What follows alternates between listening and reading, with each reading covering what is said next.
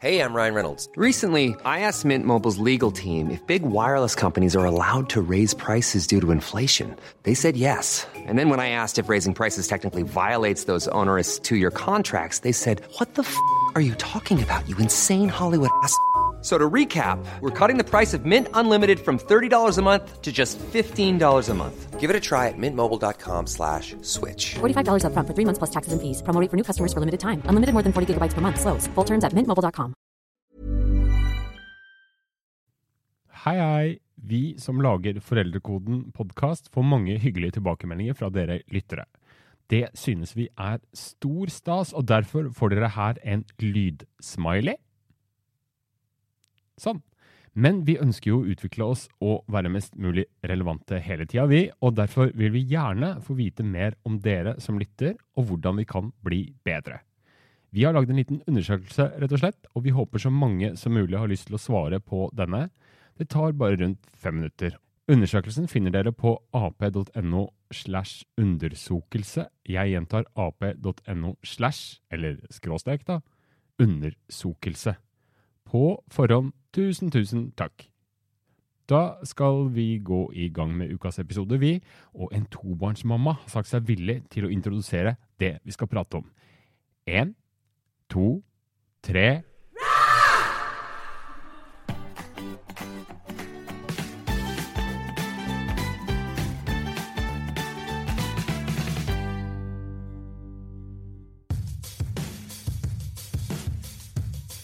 Blir en stor krig ut av eh, at eh, lillebror tok den siste blå isen i fryseren. Og storebror må nøye seg med den gule. Det er så små ting, og så blir det så stort. Åh. Eksplosiv er en veldig beskrivende veldig beskrivende ord. Altså, det spares ikke på følelser. Om det er om det er glede, så er det voldsomt. Om det er, om det er tårer og, og sorg, så er, det, så er det ikke en måte på hvor mange tårer som kommer. Eh, det spares ikke på ord og uttrykk. Jeg står der og bare skriker kanskje tilbake eller eh, prøver å være rolig, men det er veldig vanskelig å være så rolig i en krig. OK, jeg kan kanskje roe situasjonen, men det er liksom ikke noe Jeg føler ikke at jeg klarer å, å, å få noe godt ut av det. Det er ikke noe utvikling her.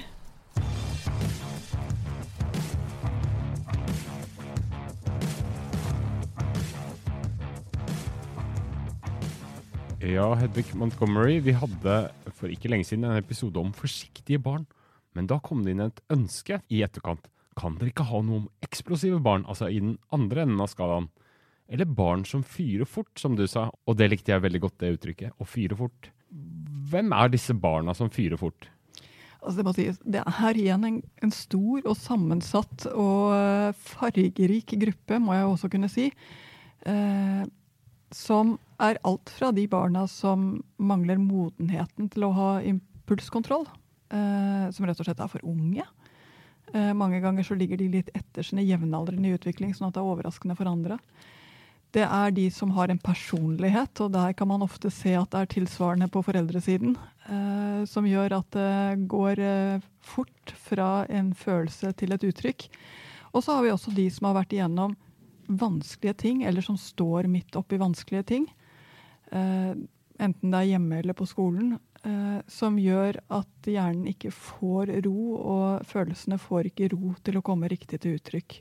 Så dette er rett og slett alt fra veldig normale forklaringer, forbigående forklaringer, til forklaringer at dette er noen ting som eh, barnet må lære seg å leve med over lengre tid. Hva er det som kjennetegner dem? da? Hva som kjennetegner dem? Det som kjenner dem, det de har til felles, er faktisk klagene fra dem rundt. Mer Ja. enn det er noen ting i dem. Som jo er eh, interessant når jeg sier det sånn. Eh, men jeg tror at denne her følelsen av at mitt barn er helt annerledes enn alle andre. Andre barn kan bli sinte for at det ikke er mer sjokomelk igjen, mens mitt barn raser, og det går ikke over. Jeg klarer ikke å roe ned når det ikke er mer sjokomelk igjen. Det er på en måte en kvalitativ forskjell som eh, foreldrene ofte kjenner i nesten som en utmattelse. Eh, og som også gjør at de får mye klager fra skole og barnehage. Noen har barn som oppfører seg ålreit hjemme, men som bare oppfører seg dårlig ute. Og andre er det motsatt med. Hvordan nøster man hvis man har et barn man mener i litt for stor grad tenner på alle plugga for kanskje bagateller? For det første så må jeg bare si her er det virkelig noe med alder å gjøre, hva man skal se etter. Fordi en fireåring som fyrer på alle plugger, det er rett og slett mer normalt enn unormalt. Jeg forventer ikke at fireåringene skal klare å kontrollere de sterke følelsene sine. Så det er nesten mer et kjennetegn på aldersgruppen enn det det er noe annet. Sunnhetstegn til og med, nesten? Ja, nesten det. Eh, kjennes kanskje ikke så sunt ut for foreldrene. Eh, det som det handler om da, er jo rett og slett hvordan kan jeg som forelder møte dette på en måte som gjør at jeg ikke skader verken barnet mitt eller forholdet til barnet. Har du en tolvåring som eh, raser når eh, han eller hun får en irettesettelse i klasserommet, løper ut, eh, truer dem rundt seg, andre barn og voksne er redd for barnet ditt, så er vi inne på noe helt, helt, helt annet. Så alder, omstendigheter, hva det handler om. Noen ting vil jeg likevel si er viktig å ha i bakhodet. Og det første det er at barn oppfører seg bra når de kan. Det gjelder også de med eksplosivt humør. Sånn at når de oppfører seg virkelig dårlig, så er det et eller annet de feiler på, et eller annet de ikke får til, et eller annet som får dem til å føle seg utilstrekkelige. Det er nesten alltid der grunnen til det eksplosive ligger. Og det betyr at det å begynne å se hvilke krav er det egentlig vi stiller til dette barnet, og hva er det hun eller han ikke får til, er det første stedet å lete. Er det noe rundt som gjør at det blir sånn som det blir? Er det noen ting som barnet ikke får til på skolen eller barnehagen som gjør at det blir sånn som det blir? Stiller vi faktisk noen urimelige krav som forklarer det, som gjør at det blir som det blir? Begynn med å lete. Hvor er det at det er et sprik mellom det barnet skal leve opp til, og det barnet får til? For veldig ofte er det der det eksplosive ligger. I spriket mellom det barnet forventes å få til, og det det kan få til. Og er det gapet for stort, så vil mange barn reagere med det eksplosive i de situasjonene. Hvis jeg ser på hva som forventes av barn i dag, og tenker litt tilbake på min egen oppvekst, så tror jeg de har ganske mange eh, høyere krav på ulike arenaer. Så da tror jeg jeg nesten ville gått, som, gått, rundt som en sånn liten bombe, eksploderende bombe hele tiden selv. For det er ganske mye høye krav der ute. Ja, det er nok høye krav både til at barna skal fungere i hvert eneste øyeblikk.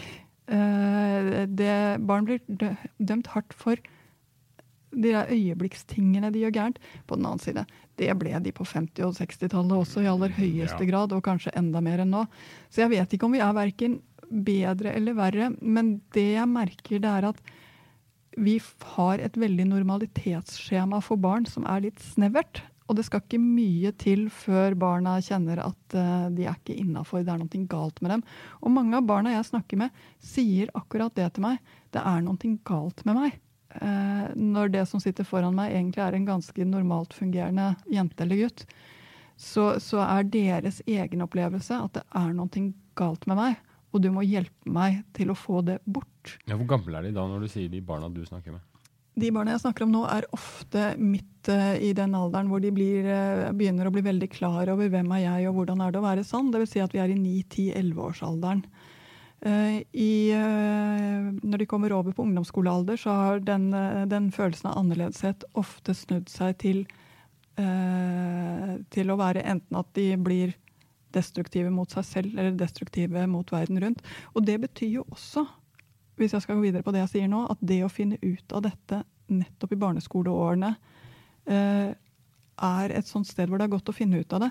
Fordi tidligere i barnehageårene så vil vi ofte se at det er det er rett og slett for tidlig. Vi har ikke sett tydelig hva slags barn det er ennå. Og det er mye som handler om en modenhet som helt klart kommer. Men i barneskoleårene så vokser det frem noen ting som, trengs, som trenger å bli tatt på alvor. Og det, når jeg sier det sånn, så tenker jeg ofte det at vi har glemt å ta de barna som går i 4., 5., 6. klasse helt på alvor. De skal liksom bare være. De skal bare fungere. Og enten så sier man at de er for små til å helt vise hvem de er, eller at de er altfor store til å være sånn som de er.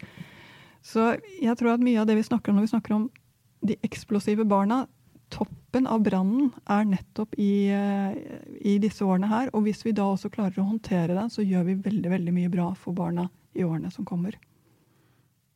Går det an å unngå sånne eksplosjoner? Jeg skal bare skyte inn at vi, vi la ut dette spørsmålet i vår Facebook-gruppe Foreldrekoden. Det kom inn veldig veldig mange spørsmål. Vi skal ta noen av de etterpå, men et av spørsmålene var nettopp dette. Går det an å unngå eksplosjoner? Eller hvordan ser man tegnene før det smelter? Eh, Jeg tror absolutt ikke at det er noe mål i seg selv at barn skal havne i disse stedene hvor de eksploderer.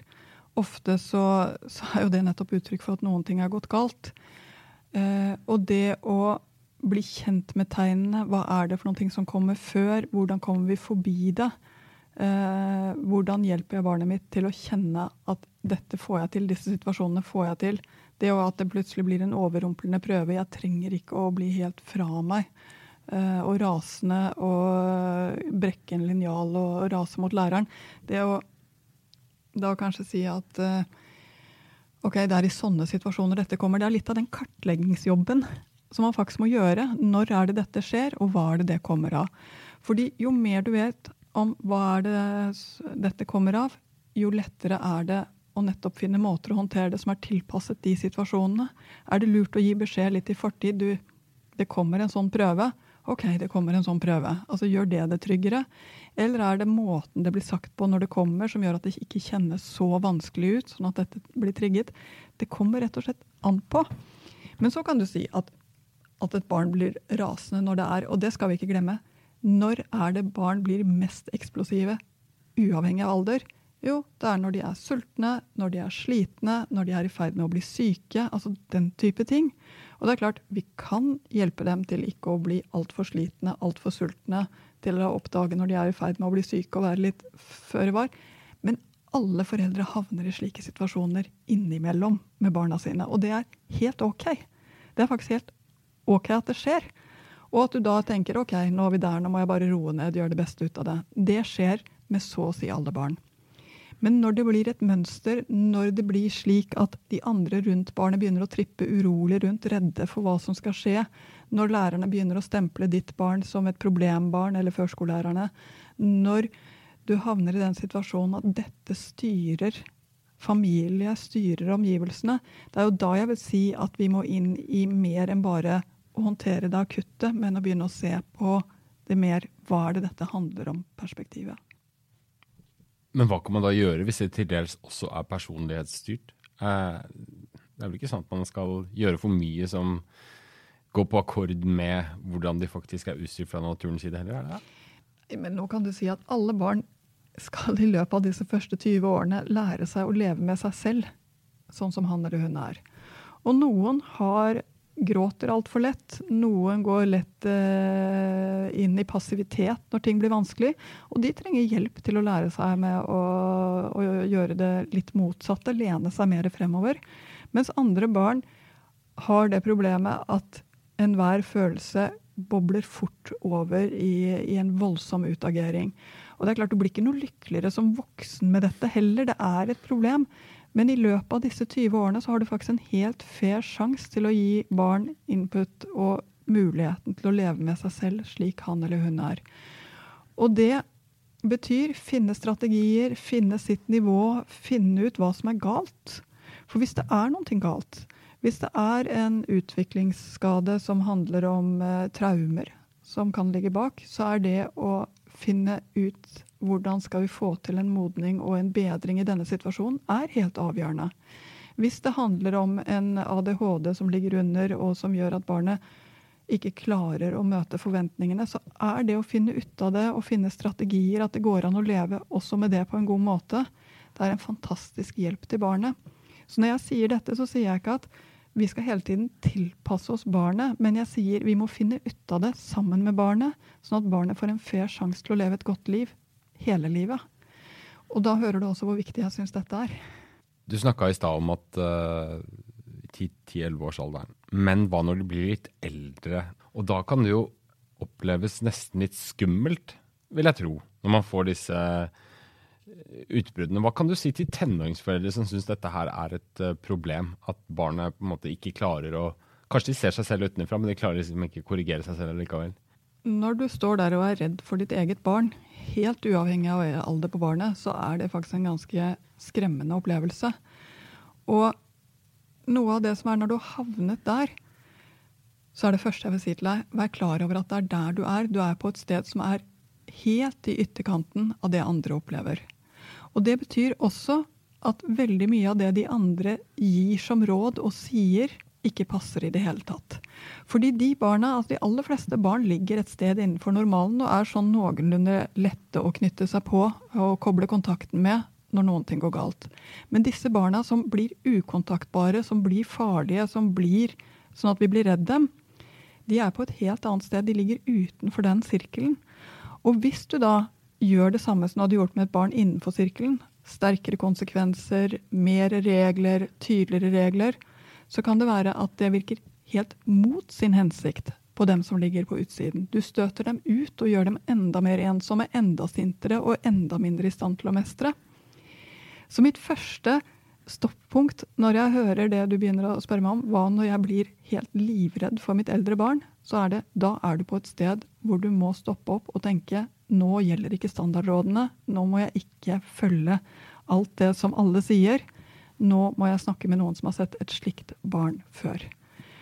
Eh, så det første stoppunktet er det. fordi at det som hele tiden er bevegelsen når vi står med barn som mister seg selv på denne måten, det er at vi skal trekke dem inn i sirkelen, ikke støte dem enda lenger ut.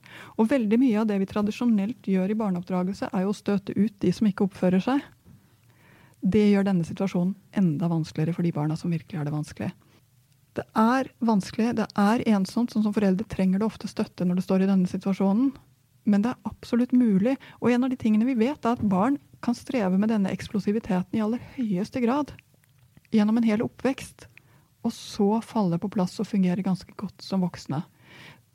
Og hvis de får hjelp til å gjøre det, og ikke føler at de står alene og er feilvare, så er sannsynligheten for det enda større.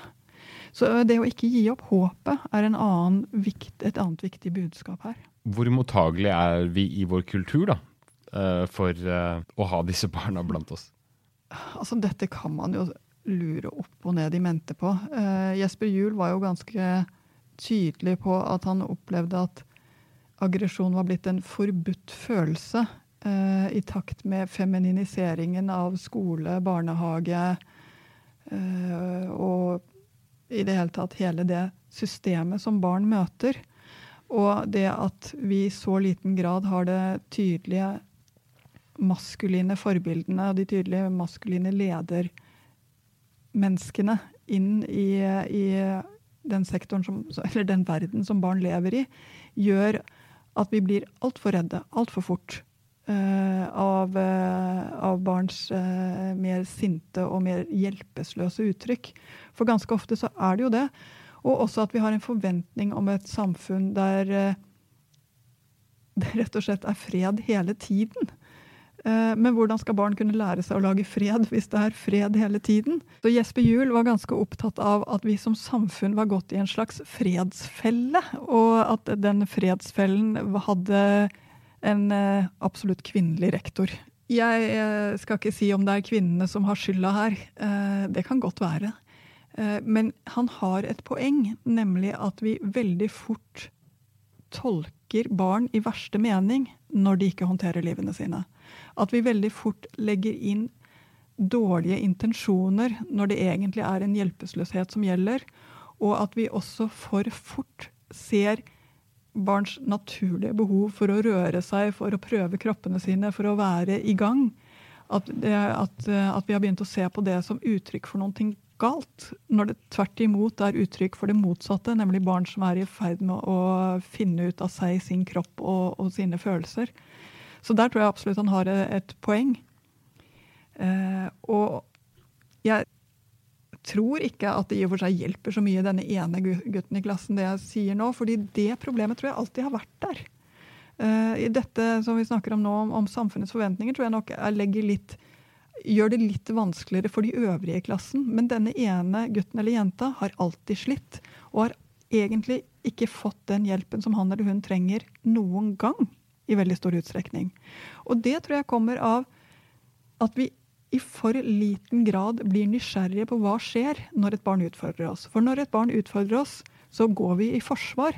Ganske naturlig, enten vi er foreldre eller lærere. Mens det barnet trenger når det utfordrer oss, er faktisk det stikk motsatte. Nemlig at vi begynner å bli interessert. Hva skjedde nå? Hva kommer dette av? Hva er det jeg ikke har skjønt, som gjør at du har det så vanskelig i ditt liv?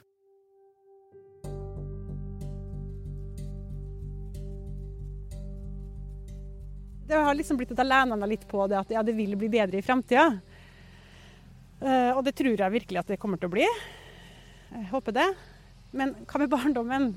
Hva med hverdagen? Skal vi, skal vi huske barndommen uh, som en, krigssone? Uh, masse konflikter, stygge, store ord, slåssing. I dag f.eks. så skulle storebror få frokost. Frokostblanding. Men pappa hadde kjøpt feil type. Og da kom det anklager og tårer, og det var så ille. Hvordan kan jeg hjelpe dem til å telle til ti? Det er akkurat det. For det, det, det, går så fort. Det går så utrolig fort. Og jeg vet at voksne har problemer med å telle til ti. Hvordan skal jeg hjelpe et barn til å klare å telle til ti? Det lurer jeg veldig mye på. Da skal vi ta noen spørsmål som vi har fått fra medlemmer i Facebook-gruppa over Foreldrekoden, så der kan du jo bare melde deg inn hvis du har lyst. Da er det en mamma som har en sønn da, som sier at fra han var fire, så har familien nesten gått på nåler for at han ikke skal klikke når han kommer hjem fra, fra skolen. Og at det har vært såpass ille at eh, storebroren gikk til kompiser etter skolen og ikke ville ha, noen, ha med noen hjem pga. lillebror. I dette tilfellet her så tar jo sinne eller utbruddene kontroll på hele familiehverdagen eh, nesten. Og hva gjør man i sånne tilfeller? Altså Det første det er rett og slett kan det være at det er et eller annet som sliter dette barnet helt ut. Er det noen ting fysisk underliggende som gjør at han er sliten? Ser dårlig, hører dårlig, har en allergi som jeg ikke har oppdaget? Ja, det begynt med en god legesjekk for å finne ut om det er noen ting som gjør at livet er tyngre. Det andre det er at barn som er i denne alderen her, fire-femårsalderen, vil stort sett bli veldig mye bedre i løpet av årene som kommer. Og det som eh, det handler om, det er jo å bygge kontakt mellom følelser og tanker. Mellom fornuft og følelser. Det er en langsom prosess. Det tar hele barndommen å få til det, men du kan bidra. Du kan bidra på noen måter. Ved å, når barnet raser, når situasjonen har roet seg ned, som den gjør på et eller annet tidspunkt, si Du, i stad, da du ble så utrolig ute av seg, hva skjedde? Rett og slett trene, hjelpe barnet til å ta den der connection mellom at det var en grunn, selv om jeg ikke så den. Noe av det som gjør livet aller vanskeligst for disse barna, er at verden rundt begynner å se på det som helt uforståelig at de blir sinte, at de raser. De er bare umulige. Det er alltid en grunn. Selv for de barna som raser som verst, så er det en grunn. Men de har kanskje ikke helt forståelse eller tak på den selv. Du kan aldri snakke med et barn i affekt. Når det er rasende, når det er ute av seg, når det, er, når det brenner, så får du ikke noe fornuftig ut av en samtale. Så først må du roe ned, så må du roe ned litt til, og så når roen er der, så kan du snakke om. Og det er en veldig viktig øvelse for de barna som nettopp bruker hele gata i følelser, og som uttrykker seg som mest. Ja, Men om du er fem, eller om barnet er fem eller 15 år, så kan det jo fortone seg like vanskelig å få det å lokke ut av dem hva dette her egentlig handler om. Det er ikke så lett. lett. Hvordan skal man gjøre det? Lett, nei. Ved å være mye mer tålmodig. Sånn at når du sier du i stad da allting ble så gærent, hva skjedde? For det første, Du må stille spørsmålene akkurat som jeg gjør nå, nemlig ikke dømmende. Du må helt på ekte lure på hva som skjedde. Det andre, så får du veldig ofte et svar av denne typen. Vil ikke snakke om det. Og da kan du si vet du hva, skjønner jeg så godt, men jeg trenger bare to ord, sånn at jeg får litt sånn Sånn at jeg skjønner litt bedre. Rett og slett Lur deg litt forbi det. Og når barnet sier sånn Jeg ble bare så sint på Ola. OK. Innimellom så kan man jo bli det. Skjønn det. Um, var det noe spesielt, eller bare kom det? Altså, Nøst litt mer. Men når du merker, altså når de har hatt tre spørsmål, så er du stort sett ferdig med samtalen. Da sier du OK, takk for, takk for det, liksom. Og så snakker dere om noe annet. Så du skal ikke ha en tretimerssamtale, du skal ha en 30 sekunders samtale. Og dette er faktisk en viktig poeng for å lære barna opp til å få ord på disse følelsene og snakke noe om dem, det er at for det første må være mye kortere enn det vi voksne syns er naturlig. Og det andre er at du må akseptere det svaret du får.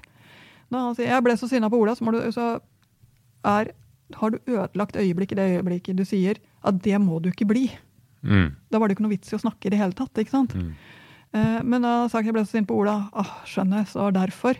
Så har du på en måte gitt Du har ikke løst situasjonen, men du har gitt en liten forståelse til å knytte den der kontakten. Og du har vist at jeg prøver faktisk å forstå. Så dette er en skrittvis, langsom prosess, ikke noe quick fix. Men det er en prosess som hjelper barna til å både kjenne etter hva er det som skjer, til å få ord på det som skjer, og også til å skjønne at det kan håndteres på andre måter. Men det er ikke alltid man liksom føler man har tid til disse langsomme bevegelsene. og sånn. Og Samtidig så kan det føles litt sånn unnfallende hvis du hele tiden skal ta parti og være på lag og eh, ja, ikke utfordre det lite grann. da. Altså For det første, aldri ha en samtale når du selv er opprørt og sint. Da, altså det, er, det fører bare ingenting til.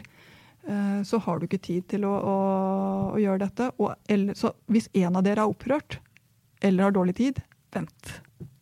Eh, Selv de minste barna kan vente flere timer. De eldste barna kan til og med du snakker om dette en uke etterpå. Så riktig tidspunkt har faktisk noen ting å si. Det andre er at ja, det høres ut som jeg tenker at man alltid går med. Men prosjektet her er ikke å være dommer. Så du skal ikke si ja, da skjønner jeg godt, da gjorde du helt rett. Da er du plutselig dommer igjen. Det er ikke det du er ute etter. Du er ute etter å vise at du har de følelsene, de kommer boblende, de kommer et eller annet sted fra. Hvor er det? Du jobber med å få den der forbindelsen. For når du har den forbindelsen, da kan du begynne å legge inn sikringer. Da kan du begynne å legge inn hva kunne du ha gjort annerledes? Ah, skjønner. Hva kunne du ha gjort annerledes? For en av de tingene som jeg tror vi ofte glemmer, det er at barn liker faktisk at ting fungerer, at de får smil og klapp på skulderen. De liker ikke å miste seg selv i en pøl av skriking og tårer. De har lyst til å håndtere følelsene sine godt, de også. Så etter hvert når du begynner å få inn den der lille ah, 'Skjønner, det var det som skjedde'. Kunne du ha gjort noe annerledes, eller? Da kan du begynne å utfordre og, og finne andre forklaringer, andre måter å reagere på. En annen, rett og slett, håndtering. Men du kan ikke begynne med den andre håndteringen. Mm. Da får du ikke barnet ditt med deg. En annen som spør eh, også fra Facebook-gruppa vår om du har noen gode tips til hvordan man skal unngå eksplosjoner ved brå overganger, miljøskifte. Altså, noen barn tar jo miljøskifter med et smil. De Ja. elsker det. Nytt, nytt, nye ting som skjer, er rett og slett det beste de vet. Andre barn hater det. De vil ikke ha noe nytt, de vil holde på med det de holder på med. Og har du et av de barna som hater overganger, så tror jeg du for det første skal være klar over ikke lag overganger bare for moro skyld. Ha den når det trengs. Og det andre er regelmessighet, forberedt. Si at nå er det snart sånn at vi skal sånn og sånn. Dette er ofte barn som ikke liker å bli overrumplet, som ikke liker overraskelsesselskaper, og som heller ikke liker at ting kommer på skrå bakfra. Det går det i veldig stor grad an å unngå. Eh, og det kan jeg si som representant fra voksenverdenen nå. Surprise parties, det er oppskrytte greier.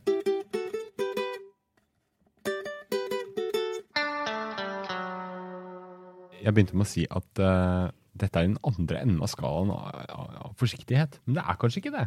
Det er Nei. to sider av samme sak ofte, er det det? Altså det som er med, med barn som uh, kanskje ikke viser så mye følelser, og som virker veldig stille og veloppdragne, det er at de kan plutselig eksplodere på rare tidspunkt, rett og slett for at strikken har strukket altfor langt. Så vi ser absolutt ganske stille barn som kan bli brått eksplosive, og som da eh, rett og slett bare Da sier jo alle rundt at 'jeg skjønner ingenting'. Eh, per som alltid er så snill og så forsiktig, eller Silje som aldri sier noen ting. Og så dette! Så har hun løpt etter de andre barna og jaget dem med en stokk. Eh, så virker det fullstendig uforståelig. Men det er jo nettopp ikke uforståelig. Fordi det å holde følelser og tanker for mye inni seg til rett og slett det barnet er blitt, strikken er blitt strukket for langt, kanskje de andre barna har plaget henne. Det kanskje er en helt berettiget ting å løpe etter dem. Det er jo noen ting av det vi må finne ut av. Så detektivarbeidet i det å være voksen er av og til litt undervurdert. Vi tror kanskje det er lettere enn det det er å forstå barn. Men vi skal huske på det at barn kan i veldig liten grad fortelle deg hvordan de har det.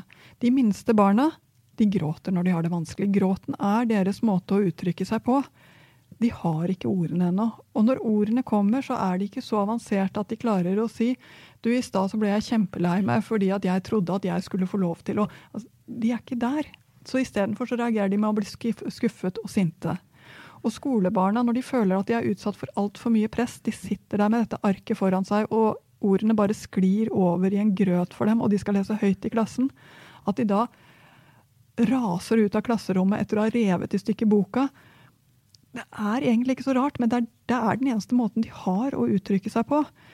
Så jeg tenker ofte at vår voksenoppgave er å ikke reagere som et barn, men å nettopp være den som OK, nå ble det for mye, nå skjedde det noe her, det gikk så fort at jeg fikk ikke det med meg, hva kan det ha vært?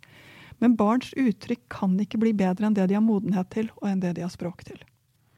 Så er det jo mange som lurer på, da, som er tenåringsforeldre her, som eh, da vi eh, ba om spørsmål som egentlig ikke har noen konkrete spørsmål, men de bare øser ut liksom hvordan skal vi overhodet klare å håndtere eh, disse humørsvingningene. Ja, men det er så rart med den der tenåringsalderen hvor det av og til virker som om det har kommet et romvesen og tatt kontroll over tenåringen. Og sånn kjennes det ut for deg, men vit en ting, sånn kjennes det også ut for dem. Det å plutselig bli uforståelig rasende uten at det er noen av disse grunnene som vi sitter og snakker om nå. Det er bare at de blir så, blir så sinte av allting. Eh, eller å kjenne at eh, de er slitne og at de er på gråten uten at det egentlig er noe å gråte for. Det er veldig slitsomt for dem også. Eh, så det å kunne stryke litt på ryggen og si at åh, slitsomt, aner ikke hvor det kommer fra, det er faktisk mer enn god nok håndtering. Men det føles liksom så spakt. Ja, men tenk på hva er det for noe som trøster deg når du har det skikkelig dårlig, da? Nei, eh, kanskje noen som stryker meg på ryggen, da? Ja, så er det én mamma til en fem år gammel jente som eh, også lurer på hvordan hun skal få datteren sin til å stoppe. For utbruddene varer jo i en time, eh, skriver hun. Og hun anser seg selv, både mannen og seg selv, som veldig tålmodige. Men hvordan skal de liksom få kutta ned på lengden på utbruddene, lurer hun på da. Og en stakkars femåring som eh, bare går og går og går i det som er vondt og vanskelig. Det er virkelig en vanskelig situasjon. Og kanskje har man andre barn som man skal passe på der hjemme også samtidig. Uh, og så har du en femåring som er dødssliten etter en altfor aktiv dag, og så går i svart fordi det er fiskepinner til middag. Altså Sånne ting skjer. Og det skjer mye mer rundt omkring i hjemmene enn det vi er klar over. Så det er det første jeg skal si til denne mammaen. Dette kommer til å bli bedre. Uh, hvordan stoppe det? Jeg tror nok at vi sitter i den veldig spesielle situasjonen at hun klarer ikke å roe ned seg selv. Det er jo noen ting av det vi ser.